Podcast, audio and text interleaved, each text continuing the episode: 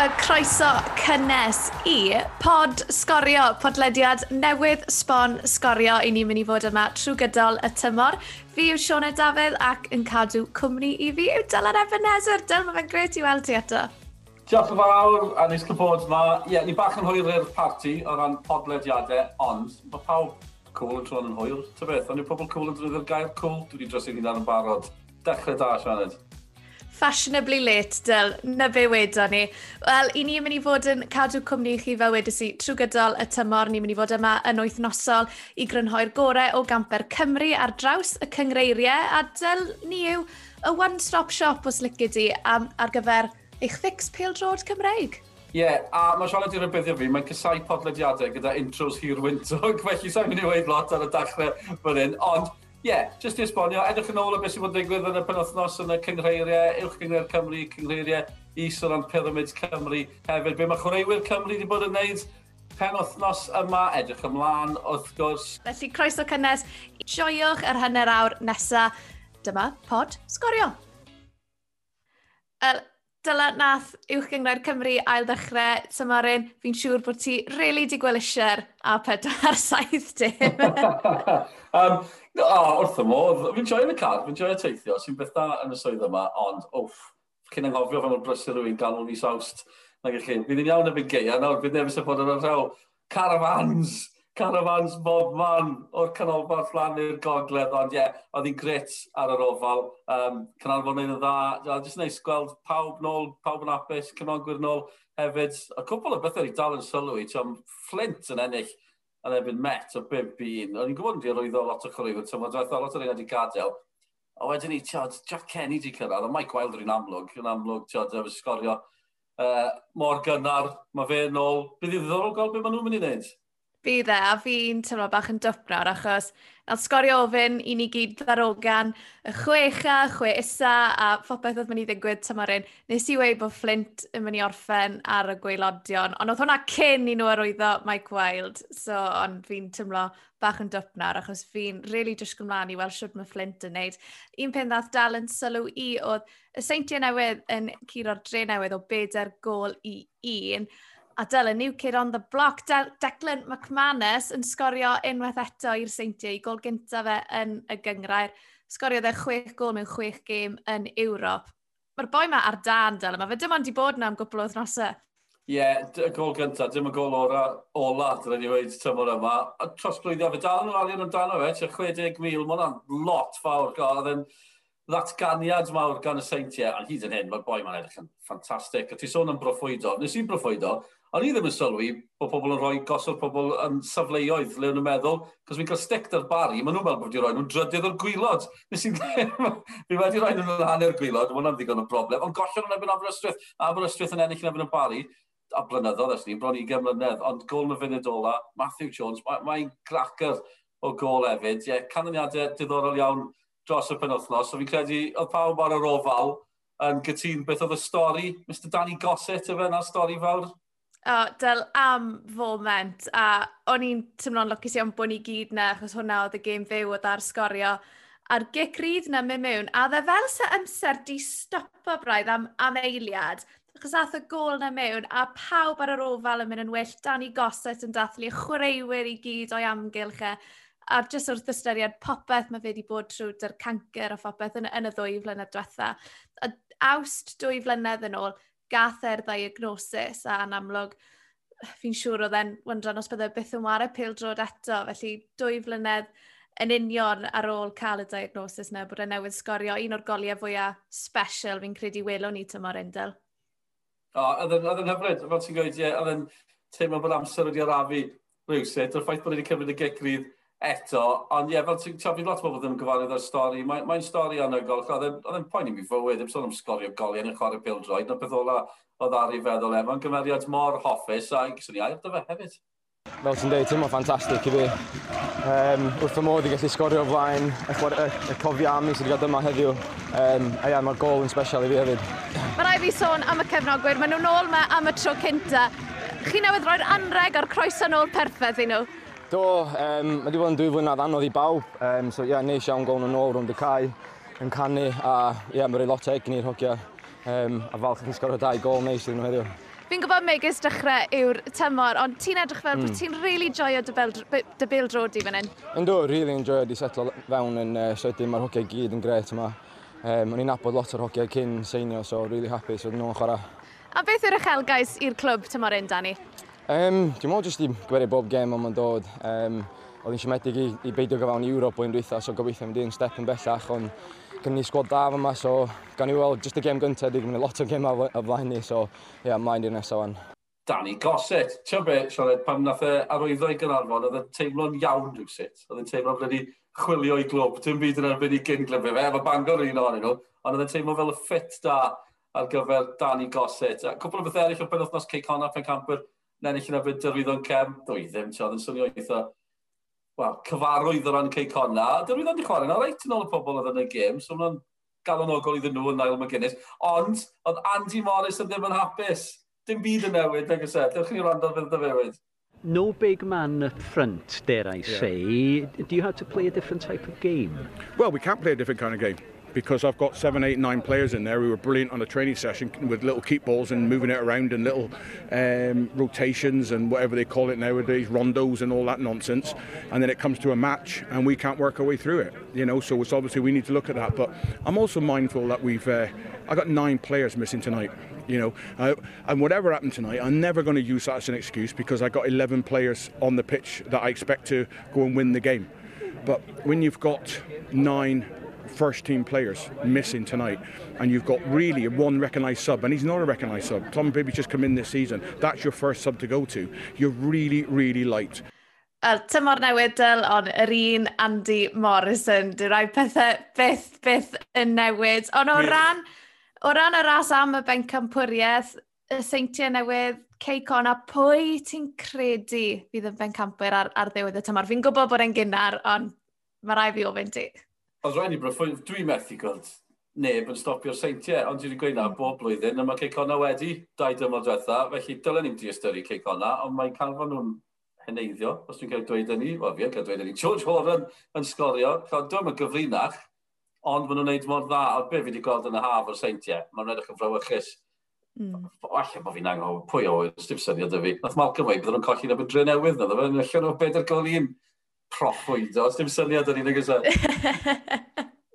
Eh, y canlyniad arall dyl yr ystod y pen wythnos, y bala a pen y bont. Nath hwnna orffen ddwy gol yr un ar faes tegyd. A mae Dave Edwards, mae fe wedi sgorio i'r bala yn Ewrop, ond mae fe wedi sgorio i gol gyntaf fe i'r bala yn y gyngrair, a oedd hi'n gol briliant e. O, nes gweld e yn sgorio, nath e'n taro fi yn iawn bod wedi arwyddo ddyn nhw yn swnio mor dwp. Mae wedi arwyddo ys wrth e, mae wedi chwarae yn Ewrop, mae wedi gwneud cyfaliadau. Ond yn sydyn, ti'n gweld yna, mewn gêm yn uwch yn y Cymru, na fydd pen y bont yn sgorio. ti'n mynd, Dave Edwards, ta. Boi ma'n dachrau Gymru cwpl o flynyddoedd yn ôl. mae lot o chreu wedi dod mewn i'r gyngled. Mae hwn yn teimlo fel trosglwyddiad eitha arbennig, achos chys yn teimlo fod fe gymaint i'w gynnig i'r gyngled a'r bala. mae nhw'n lwcus i gael e, mae fe'n swnio fel bod e'n mwynhau dyn nhw hefyd. Mae fe, oedd yn edrych fel bod wedi joio mas draw ar y ca. Oedd hi'n bwynt da iawn i Benabod, trydydd yn erbyn pedwerydd tymor diwetha, a hwnna'r tro cynta i Benabod eriod cael unrhyw beth yn erbyn y bala. Maen nhw wastod, wastod di colli yn erbyn y bala. Fi'n credu oedd Rhys Griffiths yn falch iawn o'r diwedd bod nhw wedi cael o leia pwynt yn erbyn tîm Colin Caton. O'n i wedi sôn am Dave Edwards a bod ni just mor mor gyffroes i gael chwaraewr fel e yn y gyngrair a gaethon ni sgwrs gyda fe yn dilyn y gym. It was, it was good for me personally to to have my first game in the Welsh Premier. Um, something I've been looking forward to. Perhaps took me maybe 10 or 15 minutes to get used to the tempo of it. It's, it's fast, it's furious. Um, but yeah, I thoroughly enjoyed it. It's, it's something hopefully I can build on personally and get fitter and stronger and, and contribute as much as I can to, to help Bala. As long as I can keep on playing, I will do. And the opportunity to come to this league was, was too good to turn down. Um, it's it's helped my body personally being part time. It allows me to recover a little bit better. I was struggling a little bit the last few seasons in the sort of those the overload of training every single day. So that's helped me. Um, but yeah, I'm so I'm delighted to be here, and so I just hope I can contribute to Bala as, as much as possible. Score goals, help the team win games, and I really believe we can do something special this year. Bod tro fi mewn Dave Edwards, rwy'n gweud hello Dave, fel League of Gentlemen. Ond uh, League of Wales sydd yn un, a ni'n sôn am League of Gentlemen yn bennod. Bydd am drosglwyddiadau'n gyffredinol, mae'n dahaf bach od hyd yn hyn, mae'r ffenest dal ar agor rhan mwy Sioned.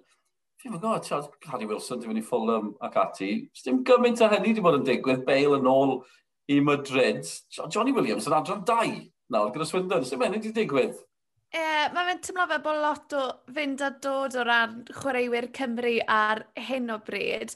Os nawn ni ddechrau dy Harry Wilson, mae e di ymuno â Fulham am 12 miliwn. Del, ti'n credu... Mae eisiau clwb hir dymor ar Harry Wilson, neu gwe, mae wedi bod mas ar fenthyg cryn dipyn nawr dros y blynyddoedd, a dwi e ddim fel sef wedi setlo unrhyw le. Mae'n 24 nawr hefyd, felly dy lot o'r chreuwyr mae, ni dal yn meddwl bod nhw dal mor ifanc, ond dyn nhw, dyn, dyn nhw ddim, mae spel di bod nawr ers, ers i nhw fod yn ware. Ie, yeah, mae'r fel yr oesoedd nesau i fod, na gyfer Harry Wilson, David Brooks, yr un i gyd yn trwyddo Ethan Ampadu, na un arall ble fydd e erbyn tymor nesaf. Maen nhw angen cyfnod sefydlog.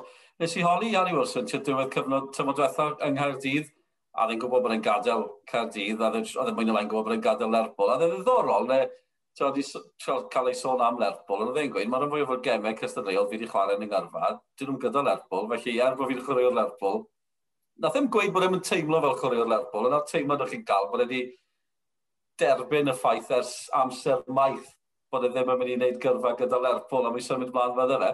Mae Fulham yn teimlo fel ffit eitha da iddo fe ar un o bryd. Dwi'n gwybod pam, falle eich bod kit neis dyn nhw. Na fel fi'n gwrdd fe. er, mae fe Cadwyn Coch dros y penwthnos a David Brooks efo beth am ymlaen dyn nhw. Ie, yeah, sawl, sawl o Plaes Cymru wedi derbyn cerdiau coch. Johnny Williams yw'r un arall. Dyl. Mae fe... Di ymuno Swindon, mae fe nawr yn mynd i fod yn wario yn yr ail adran, a mae hwn fi wedi gweld ambell i beth yn mynd rown trydar ynglyn â hwn. Ywen broblem i Rob Page bod lot o'i chwaraewyr e nawr falle ddim yn wario ar y lefel uchas. Dim lot o chwaraewyr yn yr uwch gyngrair, mae, mae Bale a Ramsey, dy Real Madrid a, a Juventus, ond pan i ti'n edrych ar y chwaraewyr ifanc na, maen nhw i gyd yn y bencampwriaeth neu'n is neu'r bencampwriaeth, ti'n credu bod hwnna'n broblem neu ni jyst yn falch bod nhw o'r diwedd yn mynd i fod yn waren rheolaidd? Ie, yeah, mae'n sain byd dwi'n syniad fel as beth yw'r peth gorau iddyn nhw. Mae Joe Morel yn Portsmouth, nawr Matt Smith hefyd i symud at Hull, fi ddim yn gwybod, mae fe'n odd yn gwybod, dim ond Robert Page sy'n gwybod beth y beth gorau. Dwi'n tybio bod yn beth da bod nhw'n chwarae, ond byddai'n braf gael nhw'n chwarae'r lefel uwch hefyd. Dwi'n gwybod, mae'r garfan wedi newid lot yn sydyn. Nid yw iach uwch gyngor Lloegr, bydd Dan James yn dechrau, mae'n United, mae'n gret gwrdd yn dechrau yn erbyn uh, Leeds United, da United yn y gêm yna. Dyn Sylfafer yn gwylltio fi yn sôn am y sgôr yn gweud United 5, Leeds 1. Oh, so ni'n cyfnogi Leeds, fydden ni'n taflu'r radio fas drwy ffenest. Ond mae braw fe, no, chance, o Ben Davies ar y faint e, y Spurs, ac oedd e, Charles Rodon, ddim yn gael fan. Ie, mae fe'n fe odd. Mae Bale di mynd nôl, mae sôn bod Ramsey, a fe'n chwarae i fe, mae dal sôn bydd yn gadael o y di a gwyn o'r eidol i di a gwyn Newcastle. Mae'n ansicr, fel lot o ansicrwydd. Dim ond Joe Allen sy'n sicr fel Captain Stoke, a fi dal yn gytir bod e gyda Stoke, felly sa'n mynd i oed lot mwy am hynny. Uh, Bale, newn ni... Oh, na, nid ti, Bale. Dyl, newn ni sôn am um, Bale yn amlwg, mae yna wastad stwff i drafod gyda Bale a Madrid, mae fe di dychwelyd i dîm Madrid, nath e ddechrau yn y gêm a di chwarae tua 70 munud um, yn y, fi, yn y fuddugoliaeth dros Alaves. A yn ôl Carlo Ancelotti, mae e'n hapus dy Bale, oedd e'n gweud, oedd e'n edrych yn siarp. Um, felly mae fe'n edrych fel, bod e'n ei aros dyl, ti'n credu? Ond ddiddorol, na gyfe? Fi ddim yn gwybod, fi ddim yn gwybod beth i'n neud y Bale. Mae rai fi gyfadde, mae fe'n gymryd arwr, mae fe'n siarp byddai'n edrych nôl mewn blynyddoedd, a diflasu plant ymlant a, a plant nhw, bod fi wedi byw yng nghyfnod Gareth Bale, ond fi ddim yn gwybod, ma, a ddim yn edrych yn apus tymor diwetha, a ddim yn edrych yn mor apus yn un o'r Euros, i fod yn hollol onest, nath e ambell i fflach.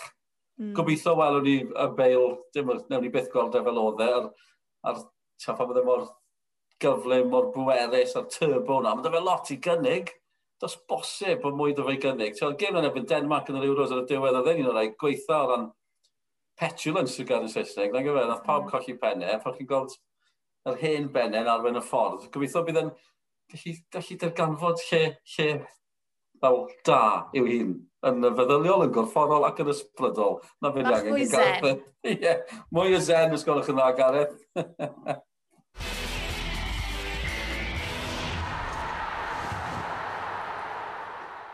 Felly, nesaf ni mynd i fod yn trafod y pyramid pildrod. Dyna ni wedi galw'r eitem y pimp o'r pyramid. Pimp peth wythnos yma sydd wedi dal yn llyged ni a, a cwpan Cymru. Mae'r enwau mas o'r het. Dyl unrhyw beth wedi dal dy sylw di o ran cwpan Cymru? Oes, lot, ond hefyd, gan bod ni'n trafod pyramid, dwi eisiau cerddoriaeth, Walk Like an Egyptian, The Bangles, Ond yn reality yn Cleopatra, na i fod yn ffaro, er ti'n cofio beth maen nhw'n gweud yn Gymraeg am ffaro, twll na ddim yn gweud llawer, neu stopio fan yna, fi'n credu. Um, be sy'n wedi dal yn sylw lot o games eitha blasus yng Nghymru Cymru, a bach o gwyno wedi bod yn y achos maen nhw'n ddetholion, felly a chi'n cael mwy o dafydd yn erbyn goleuath. Mae Cei Conna Rhyl, neu Rhyl 1879, wedi'i wedi cael lot fawr o sylw hefyd.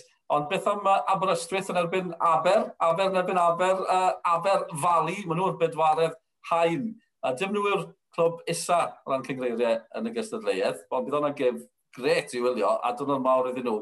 Mae Penrhyn Deidreth ar yr un hain a Aber Fali, a maen nhw'n mynd i wario yn erbyn y fflint, yn efo'n efo'n llanfair, felly Penrhyn Deidreth yn teithio fel y fflint, y ffordd mae fflint yn mynd, a felly mae'n bnawn hir. Ond ie, dwi'n hoffi'r syniad, fi'n credu o gael detholion, ond ie, yeah, sa'n gwybod, mae fe'n uh, ma stopio rhoi'r clybiau llai mynd yn bellach, achos chi'n mynd i gael well, lot llai o ganlyniadau nisgwyl, falle. A gym arall, Dylan, y cewri y seintiau newydd, maen nhw'n mynd i fod yn croesawu llan rws, ti fed, mae hwnna yn un ddiddorol o bosib? Ie, yeah, o bosib, poeni bach am llan rws, poeni am unrhyw un sy'n chwarae yn y seintiau, Cymru Lloegr a llan rwst. Mae rhaid bod y benawd fan ar y Cwpa Cymru yn Lloegr gyda Llan Rwst, neu falle bod fi ddim wedi esbonio fe yn dda iawn. Gan bod ni'n trafod y pyramid, cwpl o bethau yn dal yn sylw ni hefyd, ewch edrych ar y gyngor yn y gogledd a'r gyngor yn y de. beth sy'n taro chi? Yr enwau dim gwahanol anisgwyl, falle, sy'n arwen yn y brig fel petai, achos mae'n chi glybu enfawr yn y gogledd a'r de, ond clwb fel Cygidfa sy'n ar y brig yn y gogledd. Fel Greg Draper di mynd na, sgorio goliau, O'r un peth, ym mhob cyngor am o'n i, mae yna ma shift yn digwydd nag oes e, chi'n edrych ar enw mawr, dwi'n yn golygu bod nhw'n nhw dîm mawr dyddiau yma, sy'n anheg, felly, ond fel na mae'n Pil Jones. Yn gwmwys, ti'n meddwl am rhyd yma, neu ni wedi rhoi lot o sylw iddyn nhw ar sgorio am y ffaith bod Lee Trundle a Leon Britton yn wario iddyn nhw. Maen nhw yng nghanol y tabl yng Nghyngrair y de, felly o bosib yn tan gyflawni ar hyn o bryd. Fi'n gwybod dim ond rhyw 5 neu 6 gêm sydd wedi bod, ond eto, clwb mawr, lot o dorf, lot o gefnogwyr yn mynd i cefnogi nhw. Falle dylsyn nhw fod yn neud yn well na beth i nhw o bosib. Gewn ni weld sy'n maen nhw'n dymlaen. Ie, yeah, dwi'n gwybod gan rheol y cegyd fan yma, ar y pwynt na, mae de mor ddiddorol, terwch ar y gwylod, cyfarddyn y portalfod. Reit ar y gwylod, portalfod yn cael stoffad yn efo ni do afan yng Nghymru. Cymru. Chi'n gwybod, mae hwnna'n ergyd enfawr nhw, dangos mae nhw wedi disgyn. Ond ie, fel ti'n pawb yn rhoi sylw i, i Rydaman, a digon teg, ond ti'n meddwl, ni do afan na, mae Llanelli na yn y gyngred hefyd goetre United sydd ar y brig, pont y Pryd, Cambrian a Clydach yno hefyd. Gael mae llan sawel anna, Prifysgol Abertawe, ond ie, yeah, mae ma just disgwylwch yr anesgwyl o bosib. O fel ni sôn, cegedfa ar y brig yn y gogledd, Nathan Leonard yw'r rheolwr nhw. It's, uh, it's new for us to be top of the league, um, but uh, really, really enjoying it. Um, thought today we were tremendous to, to a man. Um, the work rate, the the game plan, the lads pressed all, the whole game.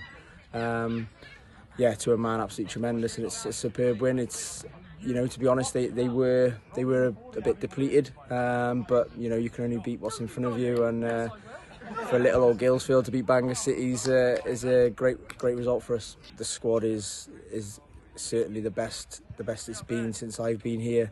Um, you know, Greg's quality obviously speaks for itself. Uh, his goal record in the Welsh Prem and the experience he brings. Um, I think he makes everyone around him better. But then also, you know, the you look at Spencer, the other end of the spectrum, where he's just released from TNS at 18, and he's been he's been tremendous again today. So all of them have added quality to the squad, and I've got difficult difficult decisions to make each week, which is which is good. Nathan Leonard fyna o gygydfa, nhw ar y brig yn y gogledd, dwi'n rhoi sylw i'r gyngred yna, ac i'r gyngred yn y de ar sgorio trwy gydol y tymor, a'r cyngreiriau is ar lawr glad. Na fysi mor braf am y pyramid yma, um, pawb yn cael sylw. Hefyd, byddwn ni'n lot o sylw i gyngred y merched sydd wedi cael, uh, well, ailfrandio, ailwampio, fel o'n i'n gweud yn gynharach am y, am y pyramid yn gyffredinol. Mae fe, dyl y newyddion mawr wythnos yma yw bod Gêm y Merched wedi cael gwedd newidiad llwyr fan hyn yng Nghymru gyda'r cyngreiriau adran neu'r adran leagues yn cael ei lawnsio wythnos yma sy'n mor, mor gyffroes. Mae yna byramid newydd, mae yna dimoedd newydd, enw newydd, brandio newydd. Mae'r holl beth yn newydd a fel wedys di i ni fan hyn ar sgorio yn mynd i fod yn dilyn yr holl beth trwy gydol y tymor. Beth fi'n credu sy'n mor mor cool yw Cymru yw'r trydydd, dim ond y trydydd gwlad yn Ewrop i gael gwared y gair merched neu menywod o'r brif gyngrair. Felly, syniad y gymdeithas yw tan nid pêl drod merched yw e, ond just pêl drod. A fi'n credu bod hwnna mor, mor cool. Dylan, fi'n gwybod bod Annie dy ferch di yn wario pêl drod. Fi'n siŵr bod, bod hi'n gyffroes iawn i weld hwn i gyd yn digwydd. Ie, yeah, ydy ti'n gwylio hafren o bryd. Just... mae'n mwynhau pob eiliad fi'n credu, bod, ti'n gwybod mwy na fi, ti'n chi siarad yn fwy na fi am hyn, mae'n fe'n teimlo'n rhywbeth positif dros ben, ni'n hoffi'r ysbyseb yn, yn lawnsio fe i gyd, yn wedi pan maen nhw'n, maen nhw'n bel pink yn ymddangos o'n yn agos er, ni'n angen peli pink, ni'n angen cael ein galw'n menw, jyst bel drod yw e, a mae ma fe mor braf. Uh, mae'n gobl o issues gyda'r gyngrair, Nag oes e, mae'n clybiau wedi bod yn cael amser caled yn y tymorau diwetha. Mae'n ffaith gath y fenni i trin yn wel, maen nhw'n teimlo bod ni'n cael ei trin yn anheg iawn, ddim yn y mm. gyngrair, a clwb fel y Seintiau Newydd, o ddim gyda clwb tan y ddiweddar i mewn, a mae pethau yma yn digwydd pan chi'n ailfrandio, yn ailwampio, mae yna gynllun mewn lle, dim clwb yn y gogledd, fi'n gwybod, nes i glywed mm. uh, Louis Roberts o'r radio yn gweud, wel, mae Aberystwyth a, siad, a'r Seintiau Newydd yn y canolbarth ac i fyny, mm. ond mae yna fwlch enfawr yn y gogledd na. Ond fel ti'n gweud, mae yna pyramid, mae yna gyngrair yn y gogledd, a mae yna glybiau fel Rexham, fel Cey Conna, sy'n dangos lot o'r uchelgais yna thi wedi, um, just beirniadwch ni, edrychwch to mewn cwpl o dymorau, i weld sut bydd y gyngor di newid. Mm. So, mae'n teimlo digon teg i fi, beth ti'n meddwl? Ie, yeah, na, yn amlwg, well, just bywyd yn gyffredinol pryd bynnag mae newid mawr yn digwydd. Twyd, mae yna wastad pobl yn becso, chi ddim yn mynd i allu plesio pawb, ond fi'n credu mae hwnna'n bwynt da. Twyd, bydde'n ddiddorol iawn i weld mewn rhyw tair, pedair blynedd falle i weld siwt mae'r gêm yng Nghymru wedi datblygu. Felly, i ni'n disgwyl mlaen yn fawr iawn i ddilyn yr holl beth ar sgorio. Cerwch i gyfryngau cymdeithasol at Adran Leagues i weld yr holl beth. Maen nhw wedi gwneud job yn ffantastig yn esbonio fel mae popeth yn mynd i weithio, pwy yw'r tîmau newydd. Um, felly, ie, yeah, disgwyl mlaen yn, yn fawr, fawr iawn i wna i gyd. Um, yn tre cael 5 pwynt o'r pyramid, bob wythnos, felly y pumed pwynt wythnos yma yn rhywbeth personol. O'n i yn aros yn y canolfa dros y penwthnos, y bont i fyndiged, dyma yma dad, canolbwynt y byd wrth gwrs, na le mae canolbwynt canolbwynt Pildroed Cymru, y bont i fyndiged, pidwch dadle da fi, sy'n pwynt. Don't at me, fel maen nhw'n gweud. Ond o'n i gyrru fan i Gararfon, a di mor braf, o'n i canolbwynt y gymryd bod cefnogwyr yn ôl. Ti'n fynd i ddim sylweddoli, neu gwerthfawrogi, yw bod y tîm y lleol mae gyd nôl Hefyd, o'n i'n mynd o bwnt i wedi gadael ni Aberystwyth, Bow Street, Machynlleth, cael pasio Dolgellau, Porthmarw. A bob man, oedd chi foes mewn tracksuits gyda kit bags ar ei cefnau, gangs o'n nhw mewn pentrefi, mewn leibois, yn dysgu lift i fynd i gemau.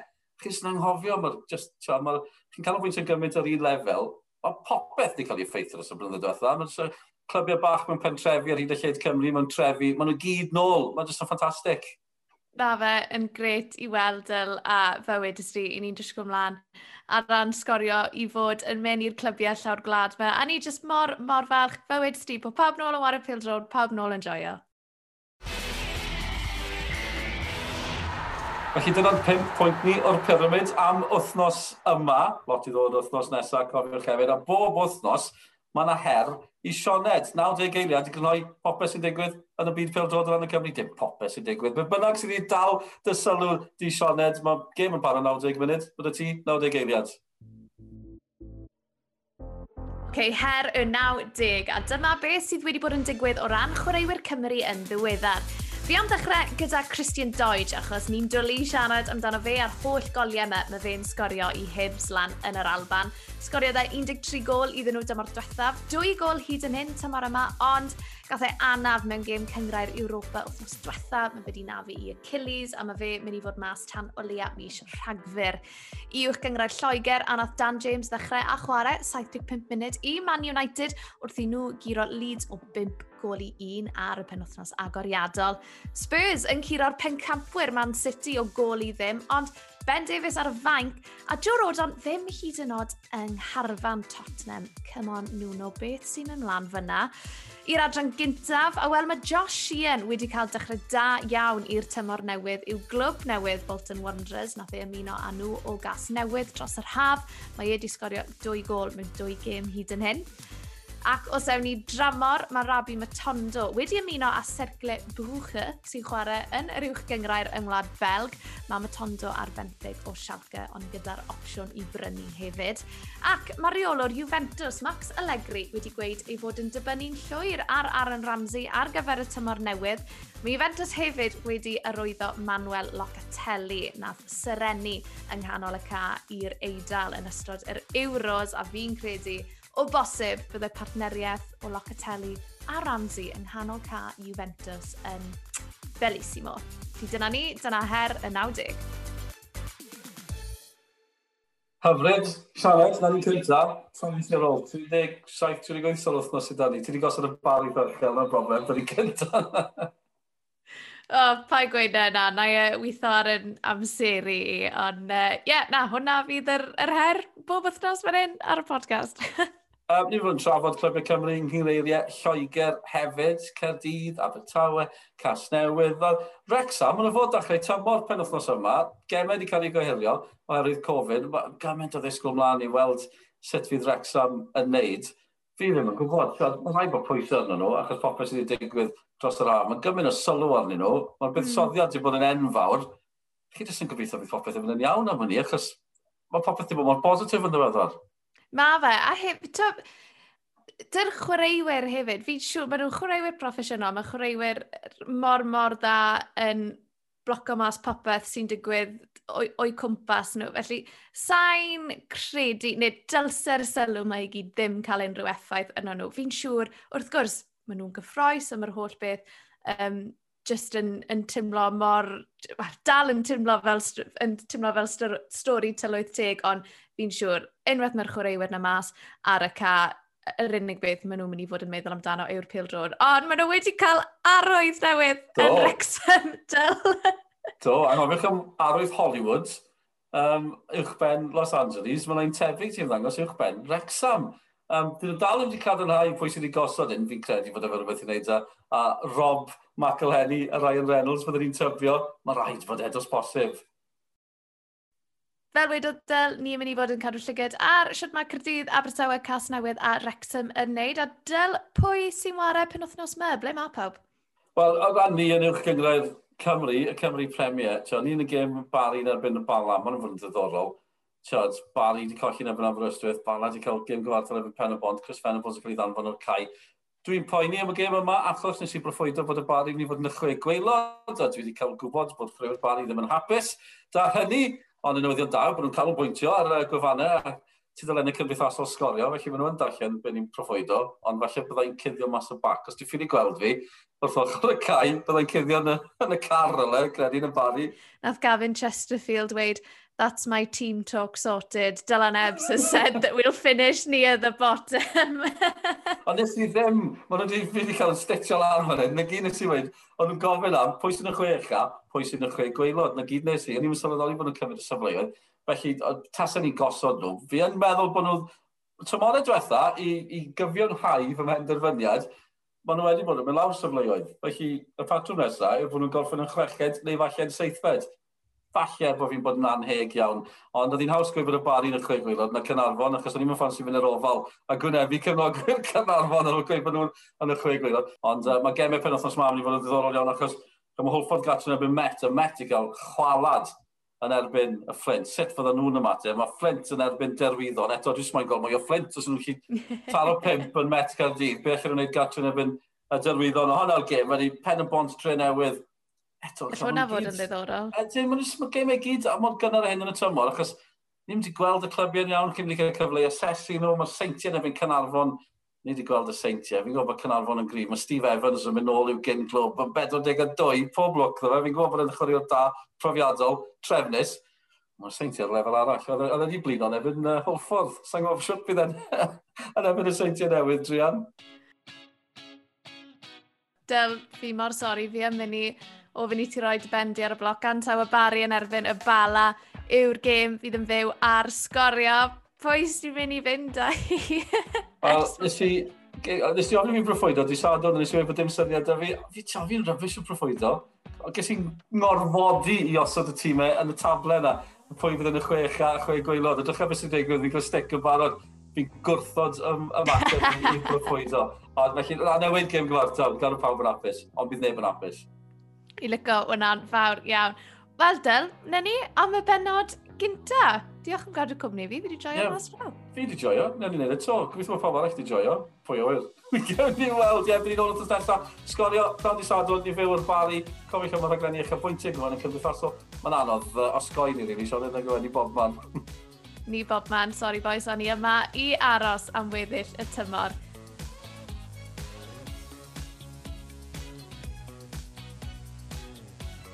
Felly diolch o galon am wrando. I ni'n mynd i fod nôl gyda'r ail benod o bodlediad sgorio wythnos nesaf, felly welwn i chi pryd ni.